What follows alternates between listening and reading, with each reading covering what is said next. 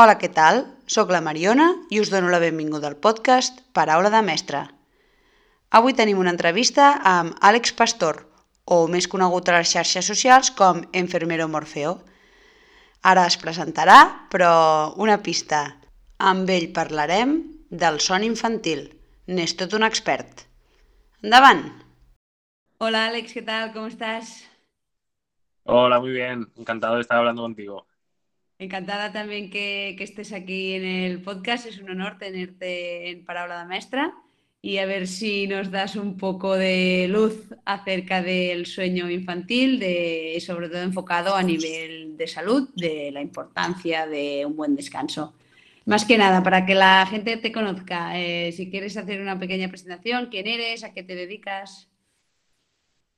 Bueno, pues bueno, primero todo muchas gracias y bueno, explicarte, mira, soy eh, Alex Pastor, soy enfermero Morfeo en las redes sociales eh, y soy enfermero del sueño.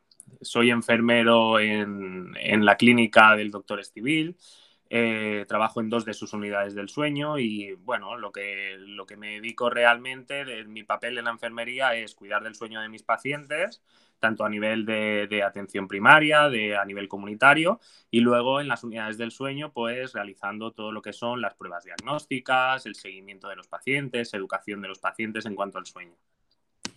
Muy bien. Eh, pues ya te tenemos un poco ubicado, vemos que eres bastante experto en este tema y ya empiezo, empiezo fuerte. Eh, ¿Por qué es importante un buen descanso en los niños? Bueno, eh, empiezas fuerte, pero empiezas con la pregunta importante. ¿Por qué, hay que dormir en general, pero en este caso en los niños más importante aún? Tenemos que pensar que el sueño es un pilar básico de nuestra salud, igual que lo es el ejercicio y una dieta saludable. Entonces, eh, si pensamos que el sueño eh, es un pilar básico de salud que va a ayudar a que los niños crezcan y se desarrollen correctamente, ya tenemos la principal importancia, ¿no? O sea, el sueño nos sirve para que los niños se desarrollen y crezcan correctamente. Hay que pensar que el sueño, como actividad necesaria para poder vivir, nos sirve para recuperar el equilibrio físico y psicológico y eh, recuperar la energía que hemos perdido durante el día. Entonces, esto en el caso de los niños aún es más importante, porque los niños tienen un desgaste eh, del colegio, extraescolares, en general los niños tienen un nivel de activación muy importante y necesitan dormir para recuperar toda esa energía que han perdido durante el día. Eh, el sueño en los niños es principal para favorecer los procesos de atención y memoria, porque nos ayuda a que consoliden todo lo aprendido durante el día. Esto siempre pasa durante, durante el sueño REM y eh, el sueño REM es sueño profundo, por lo tanto es muy importante que los niños duerman bien para poder tener la suficiente cantidad de sueño REM que necesitan. Además, un niño que duerme bien eh, le ayuda a sentirse alerta, eh, a estar más activo y más situado en su entorno y hace que sean niños que los niños que duermen bien hace que sean niños que tienen mejor comportamiento y menos irritabilidad durante el día. No sé si te he respondido o te he echado demasiada información. No, no, no, perfecto. Eh, y entonces, de lo que me has dicho, eh, me has dicho, claro, dormir bien, ¿no? Eh, y has dado un poco de, de, pistas en el sentido de sueño REM, sueño no REM. Exactamente, dormir bien, porque eh, una cosa es dormir pues ocho horas, pero se pueden dormir más profundamente o menos profundamente, entiendo yo, ¿no? ¿Cómo, ¿Qué es dormir bien? Que se dormir bien, aunque sí, sí, sí, dormir bien, aunque no es exactamente las horas que dormimos, porque puedes dormir pocas horas y dormir bien, y, o dormir muchas horas y dormir mal, sí que es verdad que va relacionado. O sea, los niños tienen unos tiempos y esos tiempos hay que cumplirlos, ¿no? Pero dormir bien, principalmente es dormir las horas que necesita nuestro cuerpo. Hay que verlo desde una manera individual. Cada niño tiene una necesidad diferente. No todos los niños, aunque tengan la misma edad, tienen la misma necesidad de sueño. Entonces, cuando decimos, eh, ¿qué es dormir bien en un niño? Pues dormir las horas que necesita y sobre todo en las proporciones de sueño, eh, de fases del sueño adecuadas. En este caso, la más importante sería la fase REM, pues que cumpla durante la noche el tiempo suficiente de sueño REM para que, pueda recuperar esa energía y que pueda reestructurar su memoria. Eh, la, la, manera más fácil de saber si un niño duerme bien, a ver, siempre y cuando tenemos que tener en cuenta que los niños es difícil que ellos expresen un problema de sueño. Entonces, tenemos que ser los padres, los profesores, los profesionales, los que nos demos cuenta si ese niño puede estar teniendo un problema de sueño. ¿Y cómo lo podemos saber? Primero de todo, eh, si el niño se levanta con energía, eso quiere decir que duerme bien. Si el niño no se queda dormido durante el día, eso quiere decir que duerme bien. Un niño que se levanta cansado, que se levanta muy somnoliento, que durante el día, incluso en el cole, fuera de las siestas establecidas, se queda dormido en clase, o lo encuentras que está apático, que no tiene suficiente energía, puede hacernos pensar que hay un trastorno del sueño o que hay algo que está, eh, que está jugando en contra de su sueño, ¿vale? Entonces, para los niños de media, dependiendo de la edad, podemos hablar desde niños muy pequeños a mayores, se necesitan entre 8 o 10 horas de sueño y sobre todo eso, lo que te digo, si después de haber dormido esas 7, 8, 9, 10 horas, el niño se levanta con cansado o con sueño, pues es indicativo de que hay un problema o trastorno del sueño y habría que acudir a un especialista, a un especialista y consultar. Sobre todo, más que nada, eh, hacer una prueba diagnóstica si hiciera falta para saber realmente si hay un problema de, sueño ya importante que pueda repercutir en general en su salud. Muy bien, vale, pues también ya nos has dicho un poco eso de unas entre 8 o 10 horas. ¿Y pasarse de las horas es contraproducente o no tiene por qué? Dormir demasiado. Bueno, el tema, el tema de las horas te lo he dicho muy por encima, es lo que te decía, también depende mucho de la edad, no podemos, no, no, tiene las mismas necesidades un niño de tres años, de cinco años, que un, adolescente eh, con 13, ¿vale? Entonces, muy por encima te explico, los niños así pequeños en edad preescolar deberían dormir entre 12 y 13 horas al día y su siesta diaria. Eh, luego los niños ya en edad escolar, entre 5 y 12 añitos, deberían estar durmiendo entre 9 y 11 horas. Y ya los adolescentes necesitan entre 8 y 10 horas. La cuestión es que los adolescentes son un, son un caso muy específico porque tienen un problema que, eh, que, se hace de forma natural de retraso de fase de sueño que hace que les sea más difícil y justamente tienen una edad que es más complicado.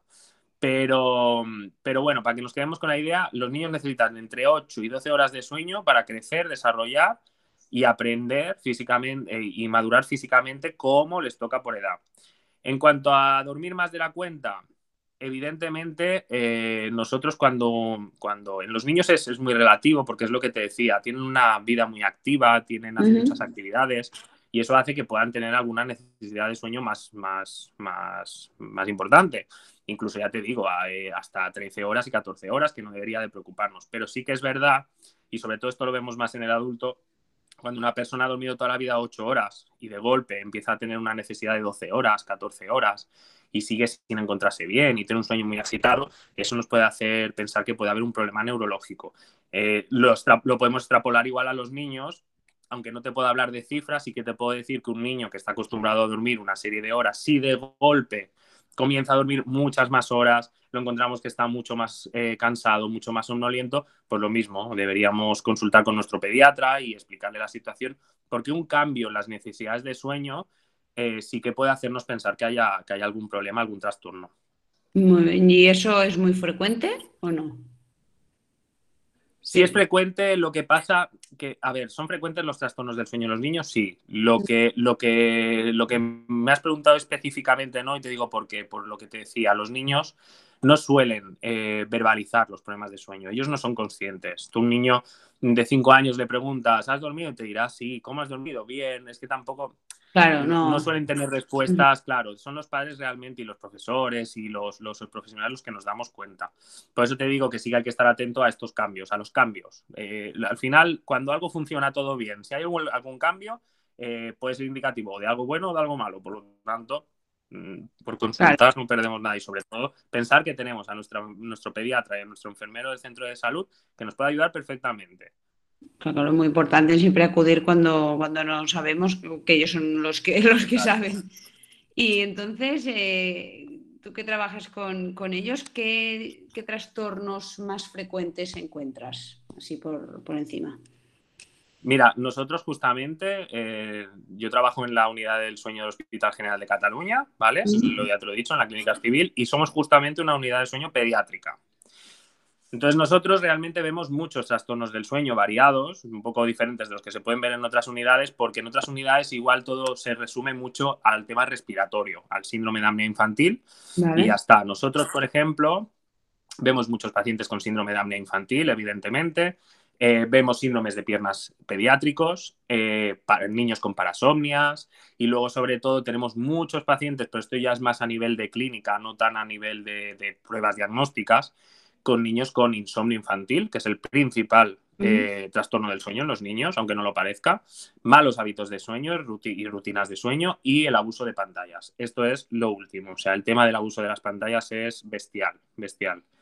Eh, cada vez lo estamos viendo más, nos supone más problemas y, eh, hay que hacer un cambio social en esto porque no, no, no hay manera. O sea que con, esto que dices entiendo que abusar de las pantallas afecta de manera muy notable al sueño de, de los niños, ¿no?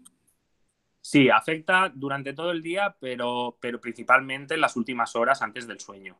Eh, mínimo dos horas antes de, irnos a dormir, a los niños hay que eh, quitarle las pantallas. Ya no te hablo de televisión, que también la incluyo, sino de los dispositivos que tenemos hoy en día a mano, o sea, tablet, móvil. Es muy importante que reduzcamos la exposición a ellos porque emiten una luz azul, que esa luz azul lo que hace es que se retrase la liberación de melatonina natural del cuerpo. La melatonina es una hormona que lo que provoca es que nos durmamos, o sea, es el inductor del sueño. Por lo tanto, si con esa pantalla lo que estamos haciendo es cortar o reducir su liberación, lo que va a pasar es que nos va a costar dormir mucho más y si nos dormimos será un sueño mucho más superficial. Y eso en los niños es muy importante, porque además, eh, ya te digo, cada vez eh, hay más uso de, tablets, de pantallas y tal, y, al final a los niños dos horas antes de ir a dormir hay que quitárselo porque si no es, eh, que repercuten de manera importante hacia llevarles a un insomnio infantil. Y no, no es poca broma. vale, pues entiendo también que, estos hábitos de, de, sanear ¿no? un poco las horas antes de ir a dormir son, son básicas. Eh, ¿Qué otros hábitos en la familia pueden favorecer un buen descanso en, los niños? ¿Qué acciones podemos tomar?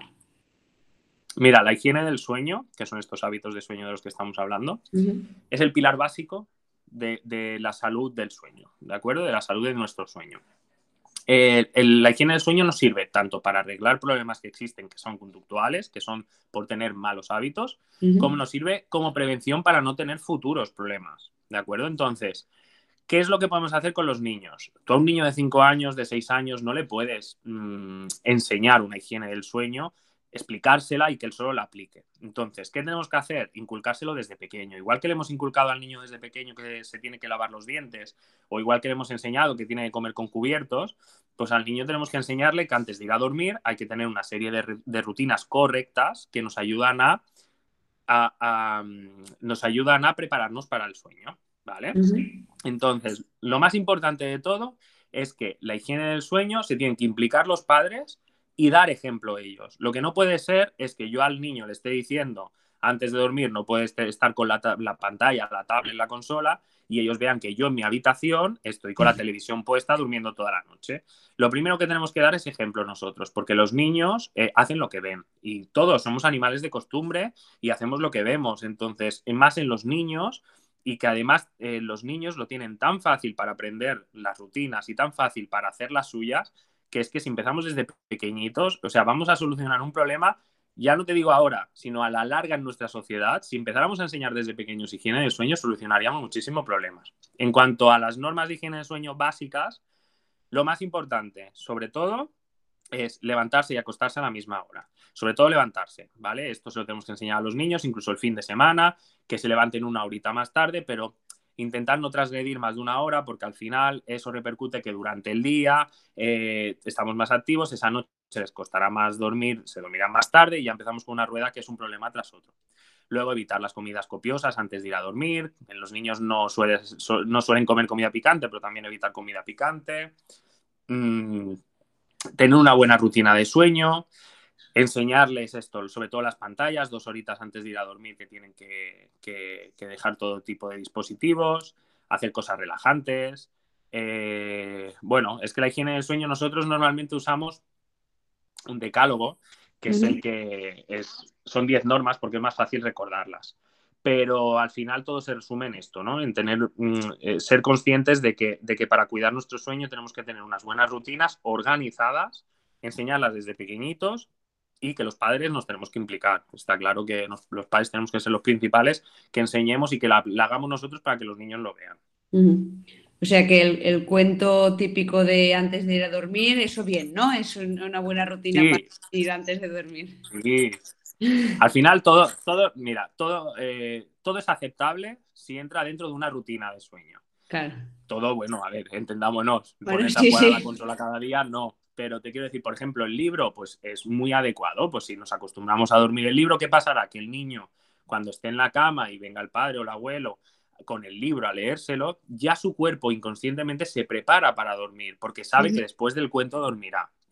Eso sí, siempre intentar pues que sea una luz, eh, una luz tenue, una luz que no sea directa, eh, que, el libro sea un libro de texto, no sea una tablet u otros dispositivos de lectura, porque seguimos teniendo el mismo problema, ¿vale? Y sobre todo lo que te decía, mira, en cuanto a higiene del sueño, pues eso, evitar los ruidos y, luces dentro de las habitaciones, porque eso también, la, luz hace que no se libere la melatonina, no solo es la de las pantallas, también es la luz que usamos, la luz ambiente, igual que la solar. ¿Vale? Entonces también reducir eso, el uso de luces y, y ruidos en casa cuando, cuando estamos durmiendo. Muy bien. Muy bien, muy bien. Y ya también para, es un tema que es bastante recurrente, estos mitos sobre el sueño infantil, de que, bueno, ya lo apuntabas un poco, ¿no? Tienen que dormir X horas o, o la siesta sí o sí, ¿no? Supongo que depende del niño. Hay, hay, me refiero a mitos con, con, el hecho de contextualizar un poco, ¿no? Que dependerá de cada niño. ¿Te encuentras algunas familias que vienen a a, vuestro centro con, ideas muy fijas que dices, no, eso no tiene por qué, por qué ser así, ¿no? Hay ideas mm, en cuanto al sueño muy generalizadas, muy generalizadas a nivel sociedad, muy generalizadas a nivel mundial. Eh, muchos padres te vienen con dudas eh, y yo lo entiendo, porque al final, eh, aunque nosotros acudamos a un especialista, seguramente antes de acudir al especialista le hemos preguntado a la vecina, a la hermana, a la prima, a personas que tienen hijos y han podido intentar ayudarnos como han podido, ¿no? Entonces, en cuanto a los mitos del sueño, mira, eh, los principales los tenemos con los bebés, con los niños recién nacidos. Y, por ejemplo, ¿no? Los, niños, eh, los bebés tardan meses en aprender a dormir por la noche. Pues no es así. Los bebés, si les inculcamos unas buenas rutinas, ya siendo bebés, unas buenas rutinas de sueño. Eh, pueden aprender a dormir solos y bien en pocas semanas, eh, no en meses. Eh, hay que pensar que los bebés se adaptan muy, muy rápidamente a su entorno y a los cambios que nosotros les, les pongamos, ¿no? Entonces, al final, ¿qué es lo importante aquí? ¿Cómo son los padres? ¿Cómo crean un entorno saludable para el niño? Y cómo crean esos buenos hábitos para que ese niño pueda dormir bien. Entonces te dicen, no, pero es que, a ver, los, los niños recién nacidos eh, no necesitan un horario de sueño. Ellos duermen libremente las veces que quieren al día. Pues no, tampoco es así. Todos los niños, incluso los recién nacidos, eh, se benefician de un horario regular. Nuestro, nuestra vida, nuestro sueño se regula por el ritmo circadiano, que es lo que marca cuándo tenemos que estar despiertos y cuándo tenemos que estar dormidos. Es verdad que los niños lactantes, este ritmo circadiano aún no lo tienen muy establecido y hay que esperar los cuatro o seis meses para que eso sea una realidad, ¿no? Pero nosotros podemos ayudar a ese niño y si inculcándole unos horarios, tanto de comida como de dormir, ayudamos a que ese sueño sea mejor, ¿vale? Otro de los mitos típicos, pues que los bebés es imposible que duerman toda la noche. Eh, se tienen que despertar sí o sí. Pues tampoco es real hay niños ya recién nacidos que te duermen toda la noche. Evidentemente, con el tema de la lactancia y con el tema de, la alimentación, pues esto se hace al principio imposible. Pero cuando los niños tienen cuatro o seis meses, si, duermen toda la noche, hay que dejarlos dormir toda la noche. O sea, los niños tienen la misma necesidad de sueño que de, de alimentarse. Por lo tanto, si un niño llega a dormir toda la noche sin despertarse a los cuatro o seis meses, ya podemos dejarlo tranquilamente, que duerma toda la noche, que él si tiene hambre o tiene necesidad ya nos, llamará, no hay ningún problema. ¿Vale? Mitos de este tipo hay muchos. Luego te viene mucha gente que te dice, no, pero es que mi hijo no ha dormido nunca bien, desde que nació ha dormido mal y nunca va a dormir bien. Pues no es así, se, puede arreglar. Ayudarlo, ¿no? Claro, podemos ayudar. Evidentemente, de entrada, todos los niños pueden llegar a dormir bien La cuestión es que si consultamos con el pediatra y con el especialista, tenemos que buscar la causa de lo que nos está provocando que ese niño no, que ese niño no duerma bien, que puede ser desde tener unas malas rutinas de sueño hasta tener un trastorno del sueño que nos esté afectando de forma importante. Vale, o sea que eh, también yo creo Hay muchos más mitos, ¿eh? Sí, sí, sí. más. Sobre todo yo, yo, lo que entiendo es, es, que nos tenemos que, si tenemos un problema ¿no? en casa con nuestro hijo y con que tiene algún problema en el sueño, pues dejarnos asesorar y no mirar en internet la primera cosa que encuentre o la vecina, ¿no? que realmente los que entienden nos, nos podrán ayudar. Muy bien. Claro, es que esto, esto lo hacemos todos, ¿eh? Yo, no soy, yo soy el primero que cuando pasa algo, lo primero que hago es buscar Google. O mm. si no, eh, le pregunto, pero el problema es que a veces la cultura popular eh, tiene unas carencias y es evidente que, lo, que, para eso estamos los especialistas y los profesionales. Podemos preguntar a alguien que tenga experiencia previa, pero lo que tenemos que tener claro es que eh, la cultura popular tiene una carencia y para eso estamos los, profesionales y los, especialistas. Entonces, la cuestión es que tenemos que pensar, igual que tenemos muy claro, que en esto sí lo tenemos muy claro, ¿no? A los niños de entrada no le das una medicación porque sí, porque te lo ha dicho la vecina, pero nosotros los adultos sí nos tomamos esa medicación porque me lo ha dicho la vecina. Entonces, hay que tener mucho cuidado con eso porque es lo que te decía, nosotros a los niños, si ya desde pequeños están viendo lo que hacemos nosotros, ellos luego harán lo mismo.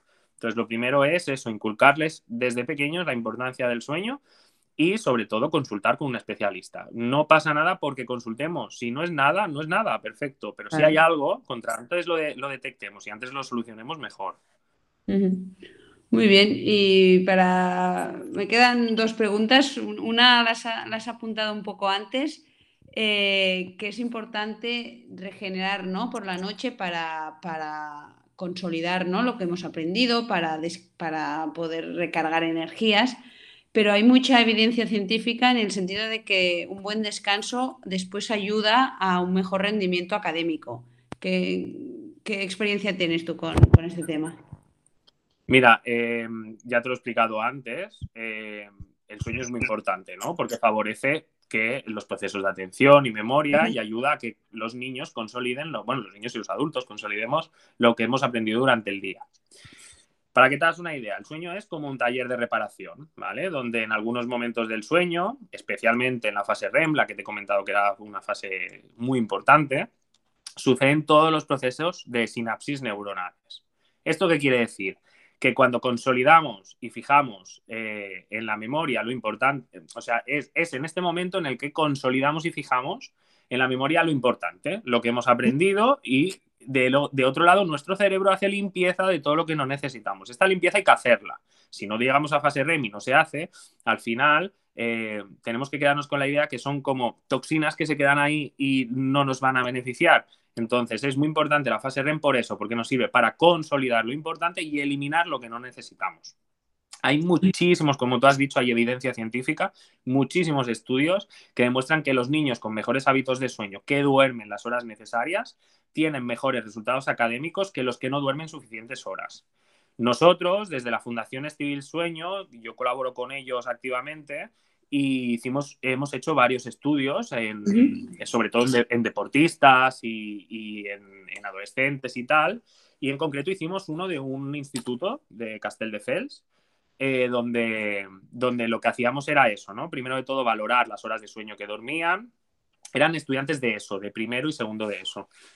Eh, y lo que hacíamos era valorar las horas que dormían, qué hábitos de sueño tenían, y, y, bueno, lo, lo, cruzamos con el rendimiento escolar. Y se demostraba que en un 69%, me parece que era, eh, o sea, era un 69% mejor el rendimiento escolar de los adolescentes que dormían las horas suficientes y que tenían unas buenas rutinas de sueño, que no en cambio los que se quedaban hasta las 2, 3 de la mañana con el móvil, se levantaban a las 7, no comían, eh, se iban al cole, se quedaban medio dormidos en clase.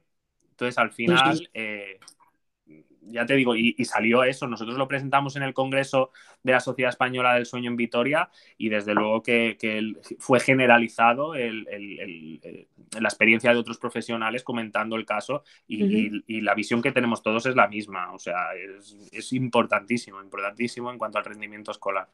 Es que a veces, eh, sobre todo cuando nos vamos haciendo mayores, parece el gran olvidado para, para todo un poco, pero, pero dormir bien después afecta a multitud, bueno, en mi opinión, a multitud de facetas en, en el día a día, eh, académicamente, concentración, pero también a nivel de salud. Bueno, creo que es el gran olvidado y que tenemos que hacer un poco de reivindicación en eso. Sí, sí, sí. Yo pienso igual que tú. Última, última pregunta, así un poco más de, sorpresa.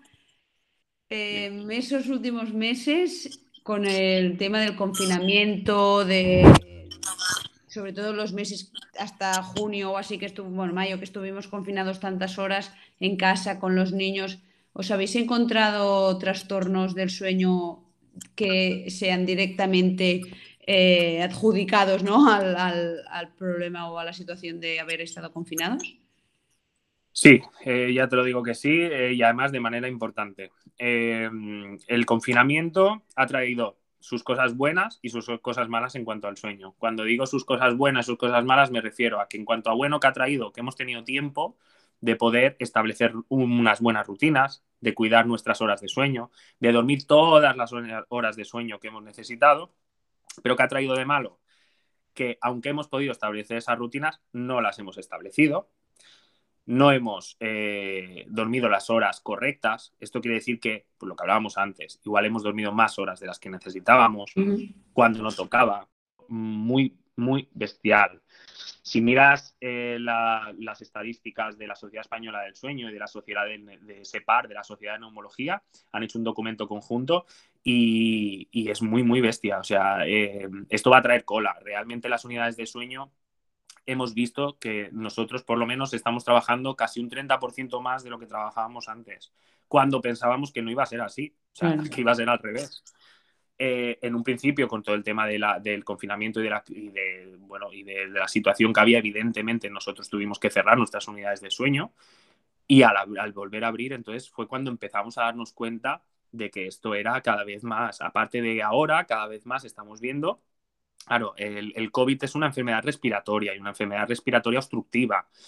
Pues estamos viendo que cada vez nos vienen más, más personas, más pacientes post-COVID que están teniendo problemas respiratorios del sueño que antes no tenían. Entonces, todo esto está muy, muy, muy, muy superficial ahora mismo, está muy por encima y va a haber que hacer muchos estudios, los profesionales vamos a tener que, estar muy atentos a todo lo que nos venga y, investigar y hacer buenos estudios de investigación porque realmente no sabemos el alcance que esto puede llegar a tener.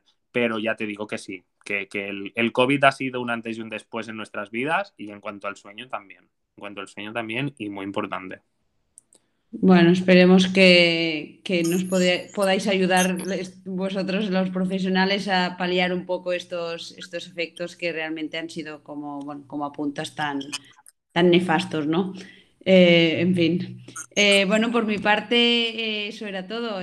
muchas gracias por, estos, esta entrevista, por estas, estos tips ¿no? que nos has dado y esta visión de la importancia de, unos buenos hábitos del sueño. Y, si te tuvieras que quedar con un solo hábito, uno solo de todo lo que has dicho, para mejorar el sueño, ¿cuál sería? ¿Por dónde empezar? De los niños, sobre todo. Establecer unas buenas rutinas y dar ejemplo a los padres. Muy bien. Principal. Principalísimo. Genial, pues, pues eso es todo. Muchas gracias, Alex, de verdad. Un placer. Muchísimas gracias. Ha, sido un placer, de verdad. Adiós, que vea bien. Adiós.